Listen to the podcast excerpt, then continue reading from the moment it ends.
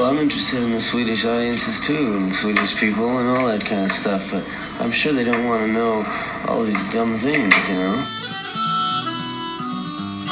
I believe that they know. They know. Don't you, don't you know the Swedish people? I mean, they don't have to be told. They don't have to be explained to.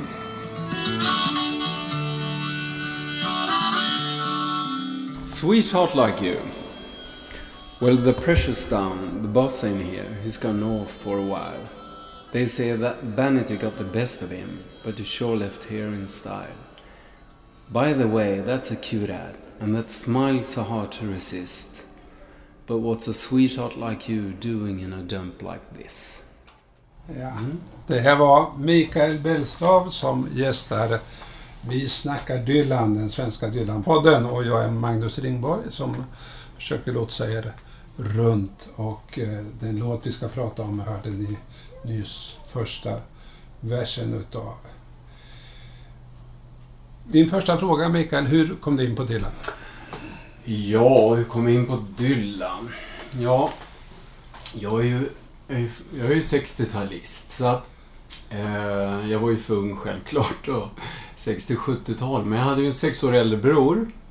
Och han har ju liksom... Han är död idag, men eh, han lärde ju upp mig allt om musik. 70-talet, Bauer, som är en stor idol för mig fortfarande. Eh, och Lou Reed och Stones och hela den biten. Glamrock och det där. Och jag var ju inte mer än 7-8 år när jag började liksom, ja, lyssna på musik. Så då började det här missbruket med att samla skivor. Eh, men sen, min bror han hatade Bob Dylan. Det är det som är det roliga. Aha. Vi har ungefär 90% likadan musiksmak, men han avskydde det där. Och det är ju intressant, för när jag sen kom upp i gymnasiet så ja, då, då var jag inne på mycket punk och new wave och 16-17 år och eh, kom jag träffa de här stora intellektuella pojkarna i gymnasiet då. Och nu var det en kille som eh, höll ett föredrag, för vi hade en förening i vår gymnasieskola. Och eh, eh Värdan, det hette föreningen då. Men i alla fall, eh, så han höll ett två, två, två och en halv timme långt föredrag om Dylan. Och det var ju någonting som inte jag visste ett dugg om. Så jag var ganska insatt i musik och liksom har läst NME och Melody Maker och hela den där vevan. Ja, jag kommer ihåg jag satt och översatte texter när jag gick i lågstadiet. Oj. Så jag var ju väldigt inne på texter och lyssna och liksom engelska. och Så så jag blev ganska bra på engelska snabbt att förstå dem. Men... Ja, det där var ju en helt ny värld. Ja. Och förstå att vara 16-17 år och upptäcka Dylan. Oj, sa jag det bara pang. Så jag frågade, ska jag börja med? Ja, times are changing. Ja, så jag var inne med den här protestvevan först. då, Men absolut, det blev jag ju fångad. Men sen blev det Highway 61 och då öppnades ju liksom alla portar. Sen blev det ju... Jag vet, eh, tredje skivan köpte jag Blond on Blond och den håller jag ju fortfarande väldigt varmt om hjärtat som kanske den bästa ändå. Ja. Tidigare var jag inne på Highway 61 men jag tycker nog Blond on Blond är mer genomarbetad på något vis här. Ja, så är det. Så att eh, det kom in... Ja, så, nu snackar vi tidigt 80-tal då. Ja. Du, det var kul du nämnde Melody Maker för att eh, min väg in, det var 63 då. Då hade de en intervju med John Lennon. Mm. Han bara snackade om Bob Dylan hela tiden. Då förstod man, det här måste vara bra. Mm. Och så var det. Och eh, det var ju så mycket annat som började liksom försvinna. Liksom, um, musik eh, som man liksom inte blev lika spännande längre, något som du kan förstå. Men man kom ju in i det här mer. Men nu snackar vi fortfarande tidigt 80-tal. Det var ju svårt att hitta information och hitta någonting. Och alla som gillade Dylan, de var ju äldre än vad jag var. Och Så att eh, det var ju lite svårt så här. Men eh, sen hittade jag ju Telegraph och de här tidningarna som blev Isis och, och så. Sen, så att där fick man ju in en fot i lite grann med eh, ja, det här med man samlar på grejer och får Och när tag du i säger Telegraph och- och Isis, då är det papperstidningar. Ja, precis. Du, kan du berätta om Dylan-sällskapet? Jag visste inte Ja, att det fanns Nej, men något. Dylansällskapet i Stockholm, det är ju ett gäng eh, gamla kufare som säkert kommer sitta och lyssna nu och skratta. Men Jörgen Lindström och Åke Jonsson, det är väl de jag mest hade kontakt med. Wille, som är, har väl sett sina 240 konserter eller någonting. Eh, och, och så några andra här. Olof Björner som gör den här fantastiska hemsidan som till och med Dylans manager har ringt. Ja, han ringde ju upp Olof. Och, och vad heter den hemsidan? Ja, eh, den heter ju... Nu står det still i skallen. Eh, Olofs Files heter den väl. Allt finns samlat. Det finns datum, finns ju musiker och det finns vad som är utgivet. Det finns eh, allt han säger på konserterna också kan man ju gå in och se där. Så att det är inte så mycket han pratar senaste åren men det är lite kul att se en konsert när han säger liksom how, how, how am I doing babe? Det är liksom det enda han säger på en hel konsert ungefär. Det är fantastiskt. Där. Nej men, eh, så att, där blev det ju att jag började samla ordentligt. Tidigare hade man ju liksom ah, bara köpt upp för lite bootlegs och böcker och för att liksom komma in i det här. Man ville ha mer och mer. Men eh, eh, då, då kom jag in i det här med kassettband. Och, och det är roligt för att vi flyttade hit 87 och då 88 då kom ju, då startade ju Neverending Tour. eh, och eh, när de första tejperna började rulla in från andra sidan Atlanten och, och hörde den här lilla sättningen med Dylan och G. Smith på gitarr och som basist och trummis. Det var ju helt fascinerande. Och då var det innan jag hade sett Dylan med Tom Petty and the Heartbreak. Såg i Göteborg och Stockholm då. Och eh, 84 var ju den första konserten för mig då. Om jag förstår det svar. Men, eh, men eh, det här var ju något helt nytt. Det var ju liksom back to basics. Och det var ju det, han, det, var ju det hans tanke var med det här. Liksom, börja spela varje år i små ställen, hela tiden återkomma, komma tillbaka. Förstå, varför spelar jag? Och jag som gammal punkare gick ju igång på det här tuffa, hårda rock'n'roll sättningen som han hade då. Gitarr, gitarr, bas, trumma. Inget mer. 15 låtar och så gav... Ja, fantastiskt kommer jag ihåg. Tänkte, oj, och, och just att kunna byta ut 5, 6, 7, 8 låtar varje kväll. Nej, det var ju läckert. De där åren var fascinerande i början då. 88, 89, 90. De åren gillar jag ju väldigt mycket med G. Smith som han hade på gitarr. De fantastisk gitarrist. Spelar du själv? Nej. Totalt omusikalisk. Mm -hmm. Så är det. Det är synd. Jag har alltid önskat att jag kunde spela. Jag är ja. så avundsjuk på folk ja. som kan spela. Ja. Men du hörde intervjun med Lars Larholm. Ja. Så säger han, ja, men jag hörde Dylan, då började jag lära mig spela ja. gitarr. Jag hörde. Ja, och tänkte, hur fan gick det till? han liksom började köpte munspel sen och haka på. Och liksom lyssnade på det. Jag förstår inte hur det där går till. Men så är det. Vissa har det där musikalisk gehör, eller vad säger man? Ja, just det. Så. Sen har ju åren gått. Man har kommit i kontakt med folk, nytt folk och, och sådär. Och sen eh, för tre, fyra år sedan då, då fick jag ju den här idén med Dylan-bunken och eh, försöka samla ihop folk. För att Love and Theft är ju ett forum också som ligger... Eh, och, Svenskt. Ja, det är det. Mm, mm. Och jag var ju med och diskuterade mycket där först i början, men ja, jag tappade lite grann så här. Men absolut, kul att gå in och läsa. Folk kan ju skriva mer där. I Facebook blir det inte så mycket att skriva långa ut... Ja, långa texter och så, men... Eh, och då, sen fanns ju den här Lundellbunken. Har du hört talas om Lundellbunken? Nej. Ulf Lundell för fyra... Jag vet ju att det finns ja, en bunker ja. som han retar upp sig på. Tre, fyra år sedan var det, då, då, då var det en, eh, en Lundell-fan och så en som hatade Lundell och så en som inte visste så mycket, var intresserad. Då gick du med igenom hans stora box på 60 ja. CD eller vad Jo, det är. jag har hört om det där. Ja, visst. De lyssnar igenom hela och diskuterar. Och så finns ju Bowie-bunkern ja. som är också med jättekul. Jag tänkte, jag måste ju starta någonting ändå för skojs skull och sådär. För vi hade ju Dylan-sällskapet då, men vi är ju bara 10-11 pers i det, så att det är inte så många. Men nu är det uppe en 300. Nu får jag, får jag ta en avvikare här med mm. Dylan-sällskapet. Såg du pjäsen som gick på Stadsteatern? Ja. det var ju så jävligt roligt. Kan du säga något ja, om det? Det var ju synd för att jag kunde inte följa med på genrepet. För då bjöd ju regissören in Dylan-sällskapet. Ja. För de hade ju kontakt. Vi finns på riktigt. Ja. Och de visste väl inte det när de hade skrivit den här pjäsen, så de bjöd in dem. Och eh, fick jag höra efteråt, då hade ju de suttit och rättat dem. Nej, det här är fel, det stämmer inte. Det är fel. Så de hade ju fått ändra manus lite grann. Jättekul. Men du var inne på eh, det när du startade Dylan-bunkern. Ja, så tänkte jag att eh. Så att det blev ju ganska poppis. Så kom i kontakt med några personer som jag tappade bort helt. Som berättade, du, du och jag bytte tejper på 80-90-talet. Liksom, jaha, så jag hade ingen aning om. Så att, eh, eller ja, sen kom jag ju på det men Ja, det har börjat komma in lite yngre medlemmar, tycker jag är jättekul. Och eh, många som kan olika saker om Dylan och det tycker jag är jätteroligt. Just att man kan skriva någonting. Det finns någon som lägger ut uh, ackordanalyser Ja. och ja, det ena och det andra. Jag kommer inte ihåg allt nu, men det tycker jag är jättekul. Du, d- din största Dylan-upplevelse, vad skulle det vara?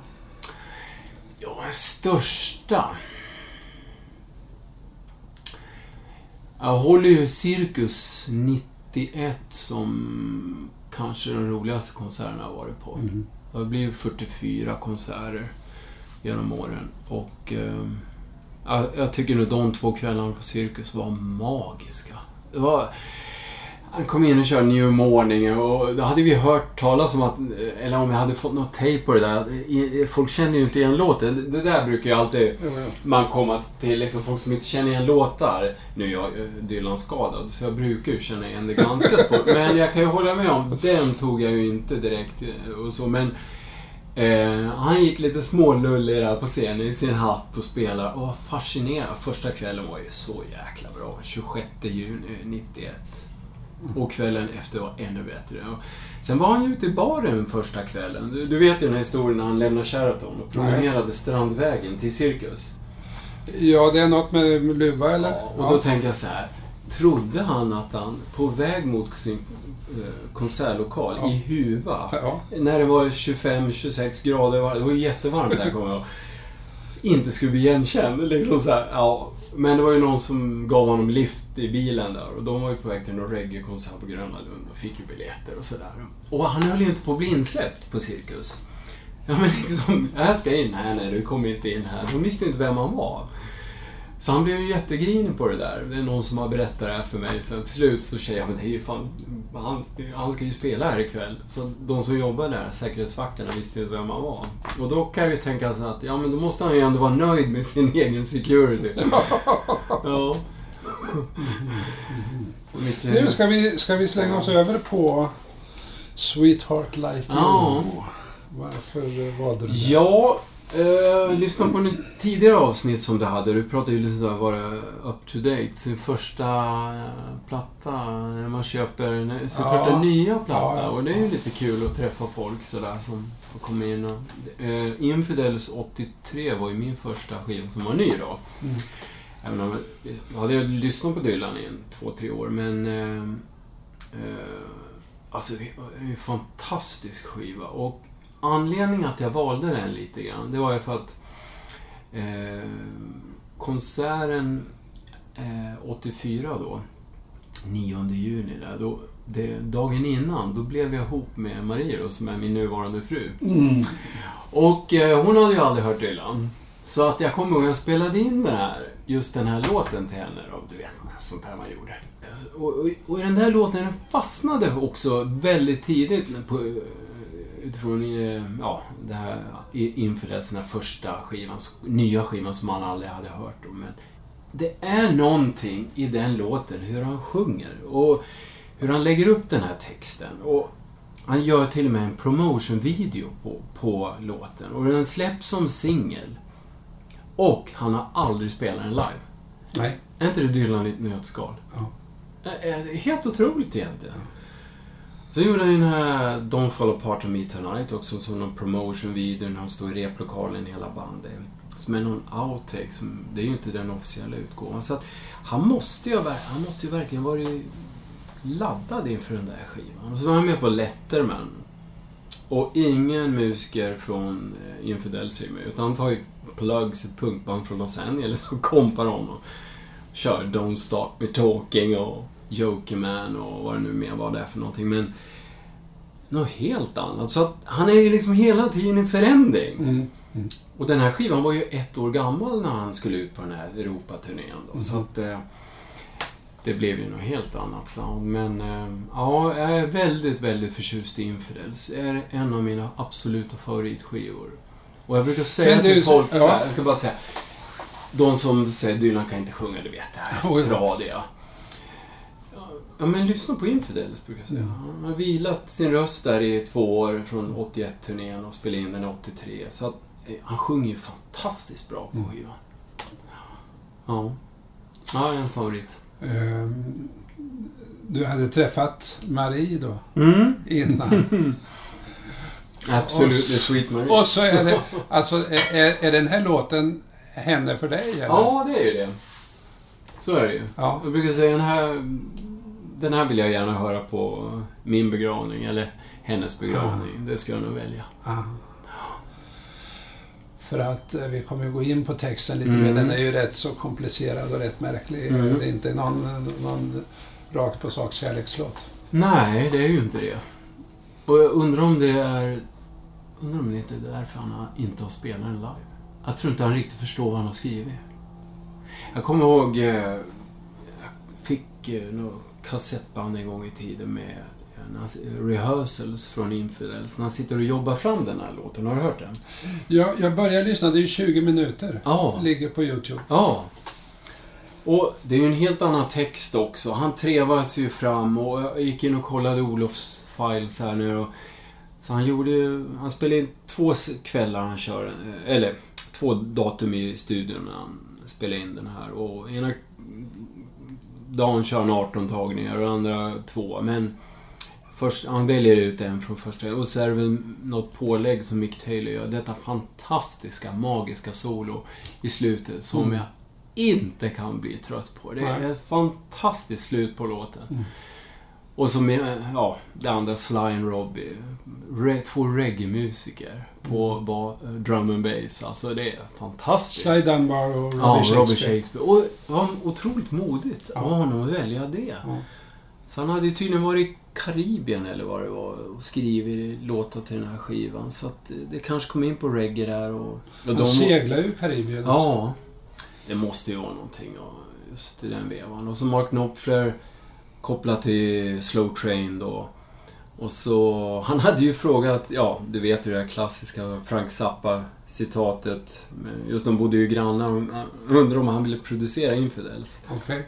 Och Zappas hund skäller och så sa ju Zappa någonting med My dog does like Christians eller någonting. Och så var det slut. Du, ska du säga något mer om, om eh, det musikaliska i Sweetheart Like You? Alltså? Alltså det är en fruktansvärt skön låt. Mm. Och jag tänker den som aldrig hört Dylan eller är negativ till Dylan, bara sätta på den här och liksom vad tyckte du? liksom bara säga, ja, jag vet att jag spelar den för en och annan sådär. Men liksom, ja, jo, den var ju bra. Liksom. Så, ja, men, så visst. Men det är ju så här Dylan sjunger.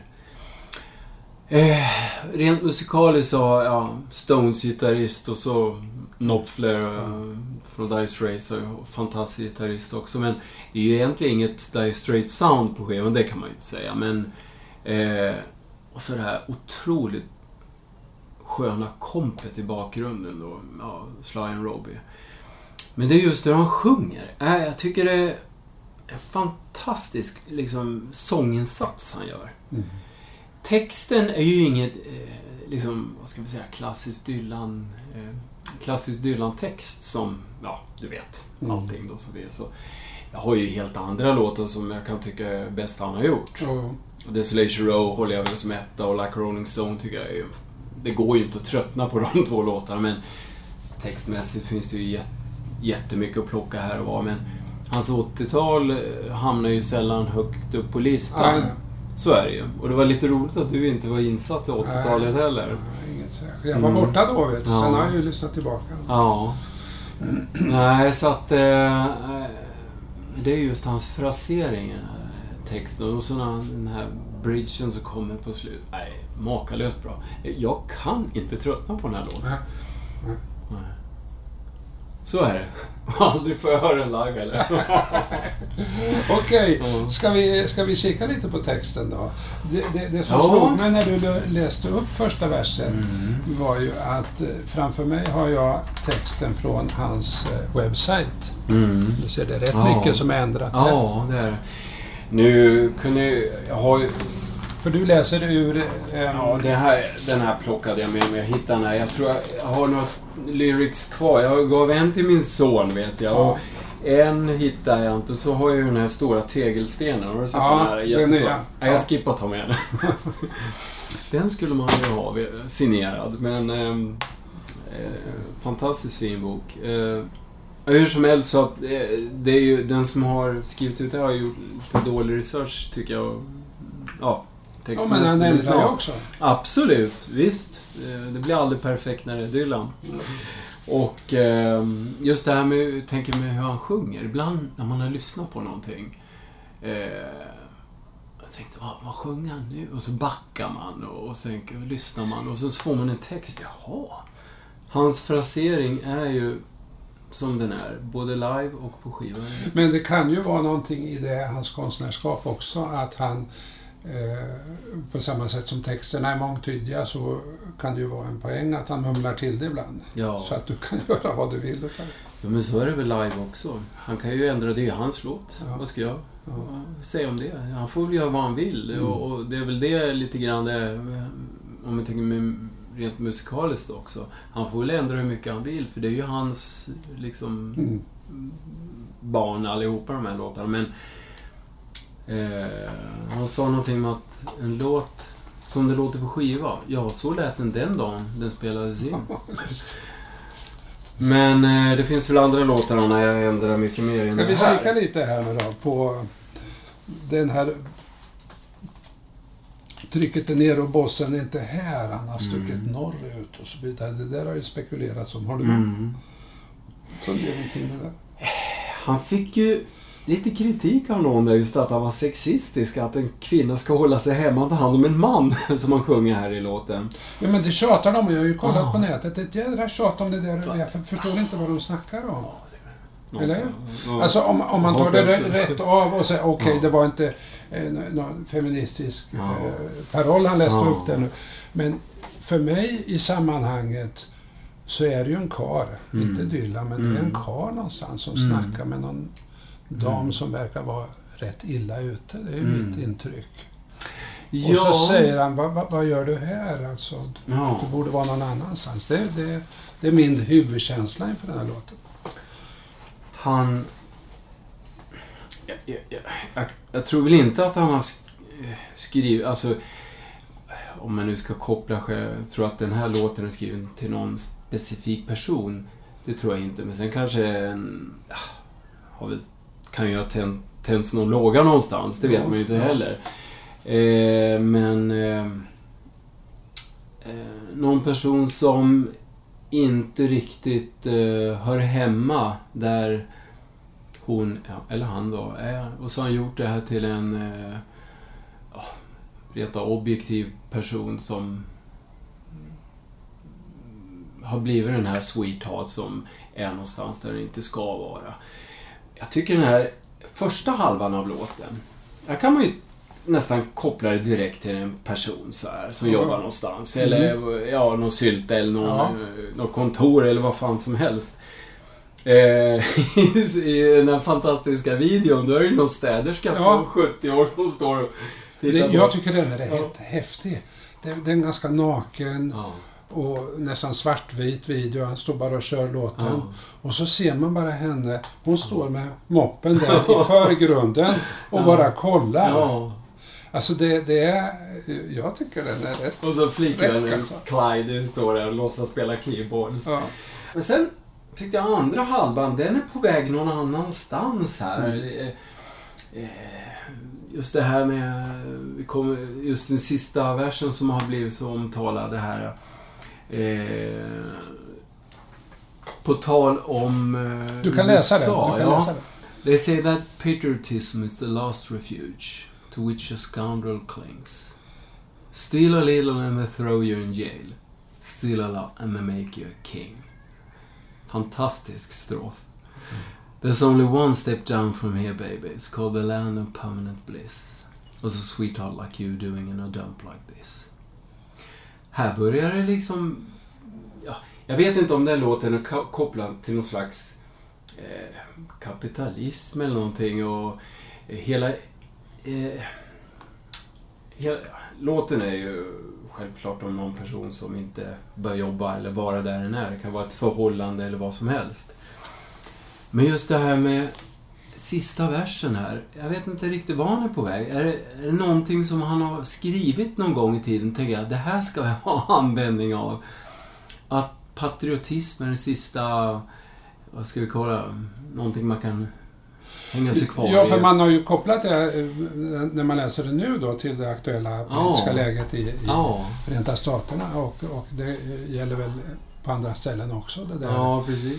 Eh, Jag tänker Trump här och visa dina, dina deklarationer och redovisa för din ekonomi vad du har haft genom år som man vägrar göra.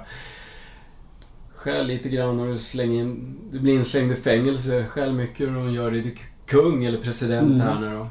Men du sa det här kan vara Mm. något som man har haft och så. För det första, Dylan är ju i sin teknik en, en slags collagekonstnär. Ja.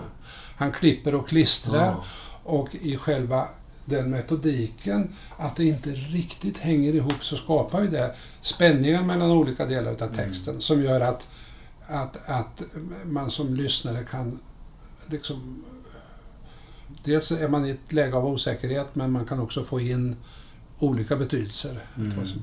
Men, men det här, vad ska man säga, den här mera generella samhällskritiken som är i sista versen, det är ju någonting som man haft med sig hela tiden, Ja. tänker jag. Men som den här Ja. domderande gammaltestamentliga profeten, vad i helvete håller ni på med? Mm.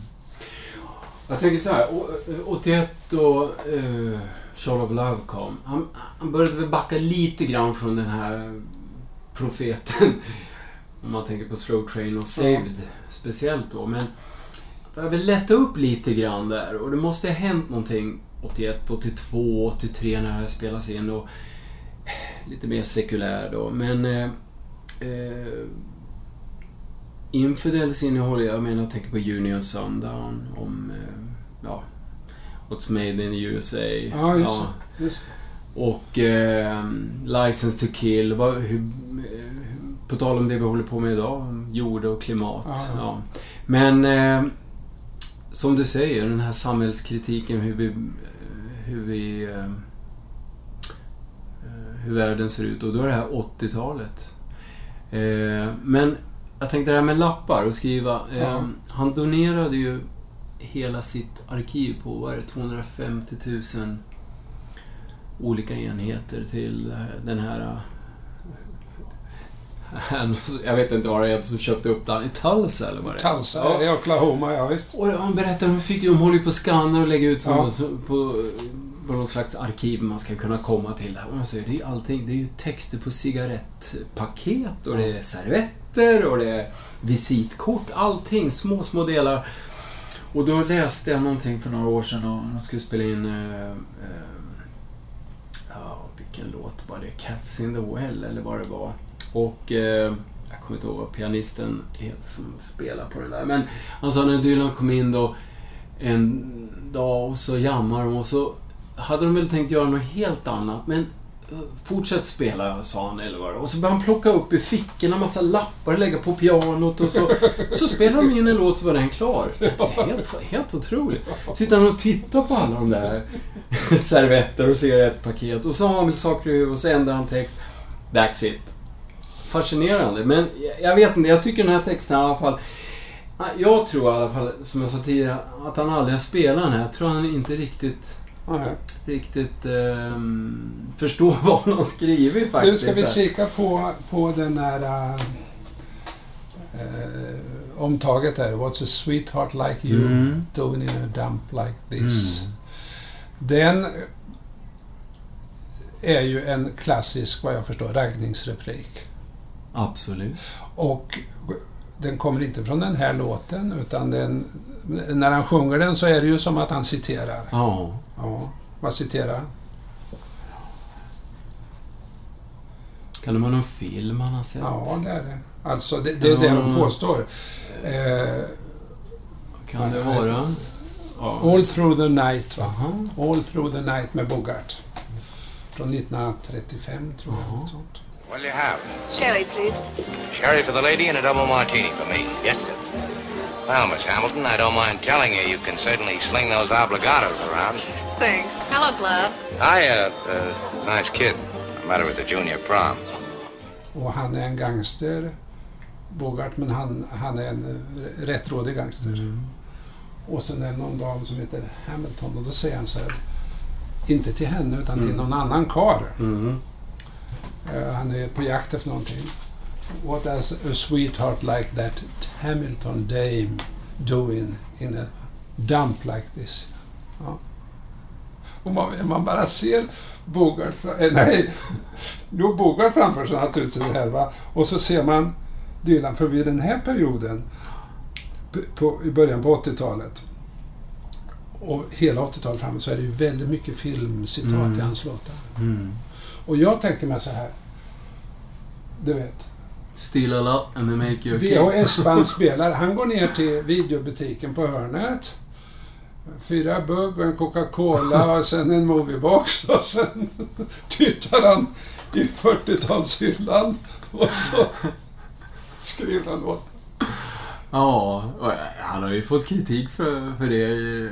Just att han ända sedan 60-talet. Jag tänker Ja. gamla gospellåtar och, och så här som han har gjort om och så. Men jag menar, han var väl inte ensam om att stjäla musik. Nej Det- men, nej men den kritiken är väl Mm. rätt naiv egentligen va? För alla, alla gör ju så. Jo. Men, men eh, när det gäller Dylan så är det ju väldigt intressant att se var hämtar han saker och ting Mm. och han, han gör ju någonting nytt utav det hela Mm. tiden. Ja, precis. Och just plockar. Och han, han måste väl... Han måste väl ha... Ja, nu har jag ju donerat bort han, men jag menar, han måste ju ha en hel källare full med texter och lådor och dra ut. Jag tänker på den här han skulle göra Oh Mercy där efter den där handskadan 88-89 där. Eh, när Bono var hemma hos honom. Och, och så, han, var, han funderade ju nästan på att lägga av. Och bli en, ja vad nu skulle bli. Hur skulle nu han kunna... Är, är det här i eh, memoarerna eller? eh, Ja han, beskriver, ja, han beskriver ju handskadan som Mm. han hade. Och det finns ju några bilder när han är har lindarm. För han visste ju, visste ju inte om han skulle kunna spela Nej. gitarr igen. Men han hade ju suttit och liksom funderat fram till och helt plötsligt en kväll hade han bara börjat skriva. Och skrev och skrev och skrev. Och la allting i en låda. Och så var Bono hem en kväll med en låda Guinness som, som han berättade. Och så började ja, jag har lite grejer. Så jag, ja, jag får se. Och så drar han ut och visar. Och han sitter och läser. Men det, det här är ju fantastiskt. Så här. Ja, jag vet inte vad jag ska göra. Det var ju då han kontaktade Daniel Lanois och liksom frågade skulle inte du vilja producera Dylan? Eller tipsa om honom. Så blev det om Mercy. Men så har han väl gjort i hela sin karriär. Ha Mm. saker på, ligger på lut. Men tidiga 80-tal, jag, kan tänka 81 till 83. Han har varit två år borta från turnerande och skivspel. Han måste ju ha skrivit ändå väldigt mycket. Skrivit Mm. texter och bara lagt och plocka ihop. Och kanske ett hopplock det här. Men eh, jag tänker mig, han lämnar ju den religiösa biten lite grann på Infidels. Men just det här sista versen. There's only one step down from here baby. It's called the land of permanent bliss. Ja. Visst är han ju tillbaka med det här det väl- välsignade... Ja, det är ju Mose som står Ja. på berget och tittar ner till det land som han själv aldrig Ja. kom till. Ja. Landet som flyter av mjölk och honung. Så att, eh, ja. Han, han har kvar det där. Så blev det väl kommande skivor också. Det, ja, slänger in ja, lite religiösa budskap till och från. Men jag läste faktiskt där på nätet om... Eh, han kom, hade faktiskt kommenterat, det här har jag helt missat tidigare. Intervju med någon som heter Martin Keller. Då kommenterade han Sweetheart Like You och det har jag helt missat eh, eh, fram tills nu i veckan här. Då så, så, han säger så här själv, säger han då. Eh, I guess, ja, kommenterat Sweetheart Like You, den låten och texten. I guess that's a Byronesque ballad. Sort of like Child Harold in Babylon or Elizabethan rhythm and blues. ja, det var ju bra. Ja, Lord, någonting som Lord Byron, liksom kopplat till honom, just den där här berättande ballad eller vad man nu ska kalla Ja. det. Narr- vad säger man? Narrative Har du, har du kollat? Har du kollat den nu eller? Charlie Eh. Harold? Det är ju en av hans berömda, men jag har den inte i huvudet. Ja, nej, utan det där eh, inte, det där är inte så hemma på. Men klart jag vet Byron och Orson och Dylan har väl alltid hyllat Byron Ja, ja. som två, den stora poeten. Men eh, jaha, det var ju lite intressant. Och så ser man texten så här som bara någon slags be, be, berättelse som, som han själv inte är inblandad till. Och hur ska han... eh, Jag menar en, eh, en berättande ballad, det kan väl vara om vad som helst. Det har han gjort i hela sin karriär. Lee, Judas Ja, Priest precis. eller vad som helst. Jag tycker det som är intressant med den, det är att hur den börjar egentligen som en kärleks... eh, Eller han träffar en person som eh, har lite tufft, vad det nu kan vara, på jobb eller förhållande. Men så blir det någonting annat i slutet på låten. Och då är han tillbaka igen till det här Mm. religiösa. Mm. Och, och då kan man tänka sig, för det, det snurrar ju runt en massa saker på Mm. nätet. Och för me- mera metaforiska tolkningar utav det här. Mm. Om religion och Mm. om, om politik. En, en rolig, tycker jag, som jag fastnade för, som jag tyckte var en viss poäng med, det var att den här Sweet, eh, Sweetheart Like You, det är Frihetsgudinnan. Alltså, förstår du? Hon har hamnat utanför New York. Vad gör du när det är sånt kaos och det är Mm. så, så hopplöst här och det är sån korruption och och det som man då skriver om i sista versen. Mm. Och den, alltså, det, är inte, det är inte så att jag tycker den är så märkvärdig den tolkningen, men den, den, är, lite, den är lite rolig. Det finns vissa grejer som, som faktiskt eh, ändå stöder den. Ja, eh, jag tänker på den här näst sista versen här. Just när han säger This in your father's house. Ja, just det. Ja, där har vi ju en då. There's many mansions. Each one of them's got a fireproof floor. Ja, Det är så märkligt. För det där, det första är ju ett bibelcitat och det finns många boningar Ja. i vår Herres hus. Ja, Men, men det där med fireproof floor alltså. Men om jag, om jag, går, jag hoppade ner. eh, you know, news of, the, news of you has come down the line even before you came to the door. Alltså, no, ryktet har gått då. Som jag tolkar det. Och så kommer his father's house as many mentions. Och så each one of them's got a fireproof, fireproof floor. Ska det rimma då på door?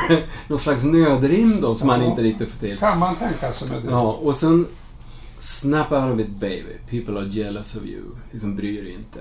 Smile to your face but behind your back they hiss. Mm. Lite som Positively Fourth Street. Ja. Vill vara vän med dig, falsk. Ja. Folk är falska sådär men ja, tro på dig själv och gå vidare. ja. Ska vi släppa texten med det? Mm. Ehm, vad säger du? Covers? Har du lyssnat på några sådana? Ja, oh ja. Covers. Jag har lyssnat på Dylan-covers genom eh, decen- ja, alla decennier jag lyssnat på Dylan, men eh, visst, i, i, ibland kan jag gilla en cover. Och, Ja, men jag menar utav Ja. den här då. Ja, och eh, det finns ju, jag vet Rod Stewart har spelat in den. Ja. Well, the pressure's down. The boss ain't here. He's gone north for a while. They said that vanity got the best of him, but he sure left here after sundown. Med sin hesa röst, lite slentrianmässig inspel, men han älskar Dy- Rod Stewart älskar ju Dylan. Ehm, och sen vet jag, eh, jag... När vi var i Italien 2015 var vi såg Dylan i Lucca på musikfestivalen. Då var det en italienare som heter Francesco någonting. Som är jättestor i Italien. Som eh, har spelat sedan 60-70-talet. Stor Dylan-tolkare. Han har ju också gjort en Dylan-platta på italienska. Har gjort den här. Men... Eh, och så finns det lite covers på nätet och så. Äh, det är väl ingenting som riktigt... Chrissy Hind har gjort en Pretender. Ja, just det. Det stämmer ja. Mm. They say patriotism is the last refuge to which a scoundrel will cling. Well, steal a little and they throw you in jail. Steal a lot and they make you the king. Jag, kan, jag tycker faktiskt Chrissy Hine, jag lyssnar på... Hon har väl spelat in nu i år under den här uh, Corona-halvåret som har varit. Ganska mycket Dylan-covers. Men uh, jag vet inte om den var med där. Eller om hon har gjort den Jag tidigare. tror det tidigare. Ja. Nej, jag tycker väl att... Han får göra det själv alltså. Det Ja, men det, ju- just det här med alla Dylan-covers som man har hört i alla år. Det det är väldigt få som jag kan tycka är, eh, som gör det bättre. Ja, Hendrix såklart. Det tycker jag är en bättre version och någon till sådär. Men det är det att de saknar ju Dylans frasering och hans uttrycksform just i hur han sjunger. Och folk då, om jag återgår till det här, för då Dylan kan inte sjunga. Vad fan. Det handlar ju inte om att sjunga vackert. Det Nej, men det kan han ju också. Ja, han sjunger fantastiskt vackert. Han kan ju sjunga som en kråka också. Jag tänker, speciellt live har det väl varit år med sliten röst. Men eh, jag tycker faktiskt rösten har blivit bättre senaste Ja. åren. Ja, visst. Det är otroligt. Ehm, de- Den här låten är med i eh, musicalen Girl from the North Country. Har Ja. du sett den? Ja, I London? ja, fantastiskt. Visst. Du har sett det? Ja. And a smile so hard to resist. What's a sweetheart like you doing in a dump like this? Du vet, eh, det var i början, det var i januari i år faktiskt. Då, jag missade den första gången jag gick. Och tänkte, äh, du vet, jag är lite allergisk mot musikaler. Jag har Okej. jättesvårt för musikaler. Min fru vill gå med, nej jag fixar inte så. Nej. Men, men eh, den här hade ju fått bra kritik och Dylan-fans uppskattade det och Dylans manager hade ju suttit i tårar och sett det första vevan för var det tre, fyra år sedan. Och så satte de upp den i USA och sen kom den hit och jag tänkte, ska vi inte åka och titta på den ändå? Så här, åka över jul, nyår till London och så här. Så att, då sa de ju att de skulle lägga ner, måste väl åka och titta. Och sen var det lite annat i London så... Ja, vi åker iväg. Och så tänkte jag, jag hade ju liksom ingen... Jag, hade inte hört så mycket och sett så mycket men... Det är men, rätt bra att inte ha så Ja, höga visst. Förväntningar. det är jag väldigt glad för Ja, idag. Jag, jag satt där knäpptyst i två timmar Mm. och jag trodde inte, upplever jag, är det här sant? Det här är ju någonting som bröderna Coen skulle kunna göra en film på. Eh, som den här Oh Brother Where Art Thou? Jag Ja. tänkte mycket Ja. på den filmen när jag såg det här. De skulle kunna göra en fantastiskt bra... För att det, det, är ju, det är ju inte Dylan egentligen, utan det handlar ju om ja, det här med 30-talet Mm. och depressionen. Och så blev 2020 som det blev. Och ganska ja, tufft för många amerikaner, men alltså wow, vilken föreställning. Mm. Och vilka skådisar. De gjorde det makalöst bra. Och du vet, eh, i, slutet, jag vet, tittade runt omkring där på folk så här. Knäpptyst. Och folk grät. Jag tittade, min fru hon satt och torkade tårar och jag var tårögd. Det var en otroligt stark upplevelse. Jag var helt knockad efteråt. Mm. Ja, väldigt, väldigt bra.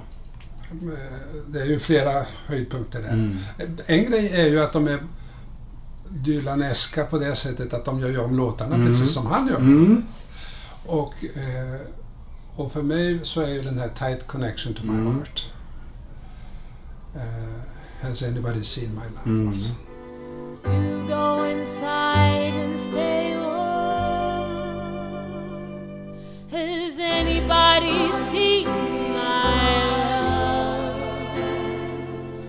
Has anybody seen my love? Hon fick ju en så här Oliver för den prestationen. Ja. Sheila Martin. Och, eh, och sen den här duetten I want you. Ja. Kommer du ihåg den? Ja, Ja, men jättefin. det är något så Med bra. dottern där och någon kille som kom igen. Ja. Mm. I want you. I want you. I want you so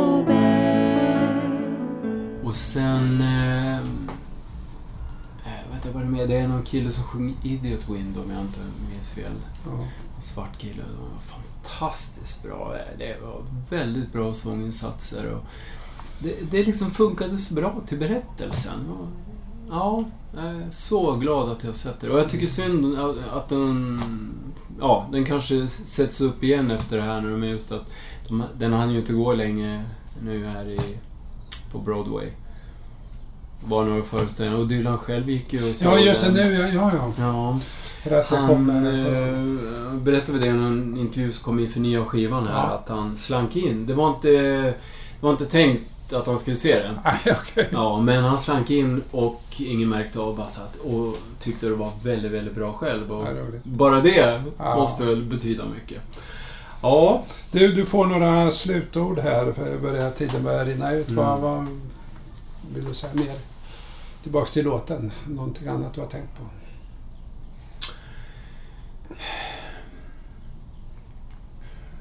ja. Det, det är lustigt att det är no, man har ju alltid en Dylan-låt snurrande i skallen.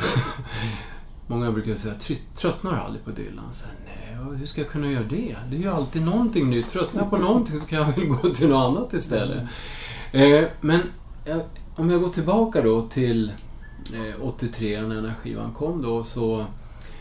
Eh, så hur gammal var jag? Ja, jag skulle 17 när den kom. Eh, det, var, det är någonting i tonen som fastnade i skallen på mig. Och det, och det, var, ju, det var ju långt innan jag satt mig in i någon text eller sådär. Men på något djupare plan. Men det, den fastnar. Eh, ja, jag tycker mm, det här är en väldigt eh, personlig favorit. Men det kanske inte är en av hans, vad, ska jag säga, eh, ja, bästa låtar som han har skrivit om vi säger så då. Men jag tycker den förtjänar ett eh, bättre... Ja, men du har gjort det. Du har lyft fram. Vi får säga det till Bob så kanske han tar upp den på någon konsert. Du, jag har en sista fråga till dig. Mm. Vad gör en smart kille som du på ett sunkigt ställe som det här? Ja, jag är intresserad av konst så att eh, jag tänkte gå på konstrunda och titta på lite... Okej, vi stannar.